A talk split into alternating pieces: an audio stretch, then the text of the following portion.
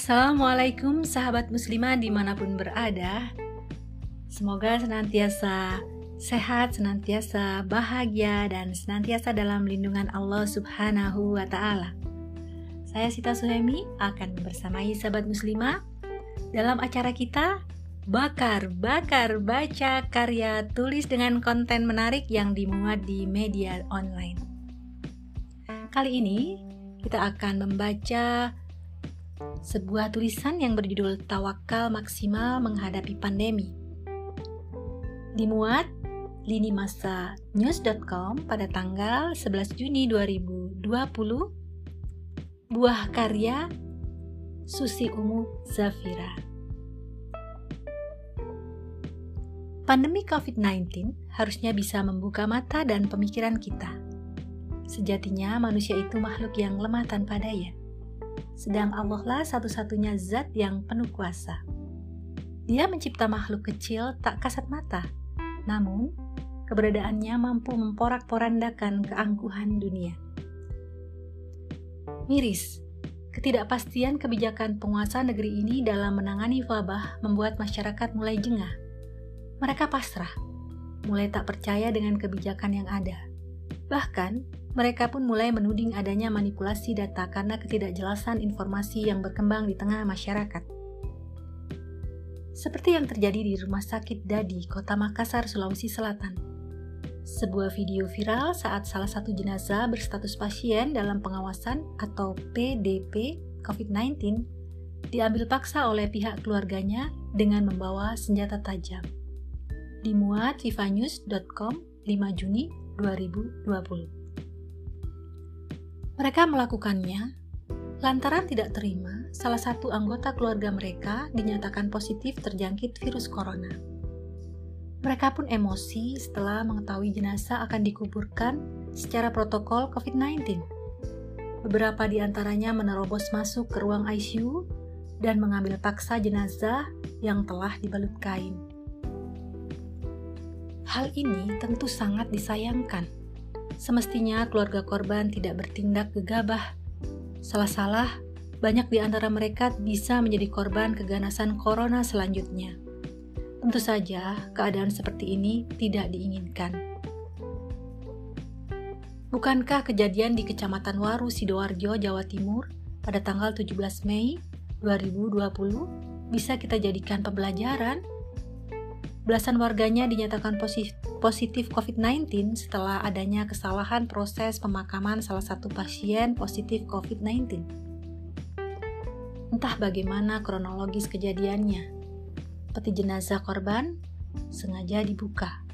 Alhasil, belasan warga sekitar terjangkit virus mematikan itu. Keadaan beberapa bulan terakhir memang tidak mudah. Masyarakat bersusah payah bertahan sendiri dalam menghadapi gulungan gelombang pandemi. Penguasa yang berkiblat pada sistem sekuler kapitalis ini seolah berlepas tangan. Banyak kebijakan yang dinilai pelin-pelan, sehingga masyarakat pun dibuat kebingungan. Begitupun tenaga kesehatan yang tak kalah kelimpungan. APD sebagai kebutuhan utama tak dipenuhi dengan layak himbauan mereka kepada penguasa untuk melakukan karantina wilayah juga tak dihiraukan. Padahal, inilah satu-satunya cara untuk menekan laju penyebaran virus. Tanpa adanya kebijakan karantina wilayah ini, para nakes kebingungan saat menghadapi pasien. Mereka tidak bisa memastikan apakah pasien ini betul-betul bebas dari corona ataukah tidak karena pergerakan manusia masih saja terjadi. Banyak kasus tenaga kesehatan terpapar virus akibat ketidakjujuran dari pihak keluarga terhadap kondisi si pasien. Untuk itulah, semua pasien yang datang ke rumah sakit diperlakukan menggunakan protokol kesehatan penanganan COVID-19. Begitu juga pasien yang meninggal dunia, meski belum dinyatakan positif COVID-19. Mereka harus dikebumikan sesuai protokol kesehatan.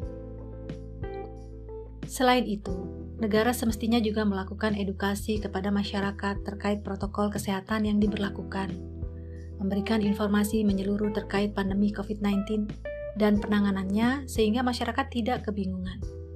Sehingga mereka memahami dengan benar bagaimana menyikapi wabah ini. Negara sebagai pemegang kekuasaan seharusnya juga tak berdiam diri jika ternyata ditemukan adanya kecurangan dari oknum pihak rumah sakit.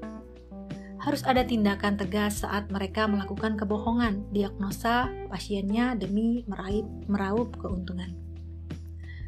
Dengan ketegasan sikap pemerintah ini akan membuat masyarakat tenang. Tidak akan ada lagi saling tuding antar masyarakat dengan pihak nakes dan rumah sakit. Mereka akan bisa saling bekerja sama untuk bisa mengakhiri pandemi ini dengan baik. Masyarakat juga mesti memiliki bekal tawakal yang telah diajarkan baginda Nabi. Tawakal merupakan buah dari keimanan keyakinan bahwa Allah satu-satunya zat yang maha segalanya. Allah yang telah menciptakan virus corona dan menetapkan khasiatnya. Atas kendaknya juga, virus ini bisa menyebar ke seluruh penjuru dunia. Sedang kita adalah makhluk yang lemah dan terbatas. Maka, kita mesti menerima ujian ini, bersabar atas kesulitan-kesulitan yang menghampiri. Dan kita berserah diri hanya kepadanya. Bertawakal bukan hanya sekedar berdiam diri tanpa upaya. Rasulullah Shallallahu Alaihi Wasallam telah mengajarkan bagaimana tawakal yang sebenarnya. Setelah memiliki keyakinan yang kuat atas kesabaran Allah dan ketergantungan kita kepadanya, kita juga harus berupaya, berikhtiar. Dalam sebuah riwayat, ada seseorang yang bertanya kepada Rasulullah Shallallahu Alaihi Wasallam, wahai Rasulullah, apakah saya ikat unta saya lalu tawakal kepada Allah Azza wa Jalla, ataukah saya lepas saja sambil bertawakal kepadanya? Rasulullah Shallallahu Alaihi Wasallam menjawab, ikatlah dulu untamu itu, kemudian baru engkau bertawakal. Hadis riwayat At-Tirmizi. Dalam hadis di atas, Rasul mengajarkan kepada kita untuk berusaha. Allah memang yang menentukan siapa saja yang akan terpapar virus dan tidak. Allah juga yang mentakdirkan di antaranya yang akan berakhir dalam kematian. Dan itu bagian dari ilmu Allah. Kita hanya wajib meyakininya. Apa pun keputusannya, kita harus menerima. Allah telah memberikan akal kepada kita. Allah juga memberikan kebebasan kepada kita untuk menentukan sikap, mau berusaha atau hanya berdiam diri. Sedang hadis di atas mengajarkan kita untuk berusaha, mengikatkan diri dengan hukum sebab akibat. Jadi, sahabat muslimah, ketika dalam kondisi wabah seperti saat ini, kita harus berusaha semaksimal mungkin agar terhindar dari paparan virus tidak melakukan hal-hal yang bisa membahayakan diri dan orang lain. Mentaati setiap protokol kesehatan yang ditentukan demi keselamatan bersama. Dan itu harus kita lakukan karena dorongan keimanan. Lebih dari itu, kita semestinya berusaha mentaati Allah secara totalitas, menjalankan seluruh syariatnya tanpa memilih dan memilah mana yang menurut kita pantas. Karena Islam tak hanya mengatur urusan dalam ranah individu, tapi juga masyarakat, bahkan negara. Negara yang menerapkan sistem Islam akan senantiasa menjalankan kewajibannya karena dorongan keimanan. Pemimpinnya akan berusaha mengurus urusan rakyatnya dengan sebaik mungkin, sesuai syariat Allah. Sebab dia memahami akan ada hari pembalasan atas kepemimpinan yang dia emban. Sahabat muslimah, begitulah cara tawakal maksimal yang semestinya kita lakukan dalam menghadapi pandemi. Kita wajib menyadari kelemahan diri dan meyakini Allah yang maha segalanya, kemudian berusaha sebaik mungkin mentaati seluruh hukumnya tanpa terkecuali, hingga kebaikan menyelimuti seluruh penduduk bumi. Tidak hanya bagi umat Islam bertakwa, bahkan bagi seluruh alam semesta yang Allah ciptakan. Sahabat muslimah, begitulah tulisan kali ini yang kita baca. Semoga kita bisa ambil ibrohnya ya bahwa ternyata ketika pandemi kita itu harus bertawakal, yaitu percaya bahwa segala sesuatu itu hanya Allah yang bisa menetapkan, yang bisa menentukan, ya.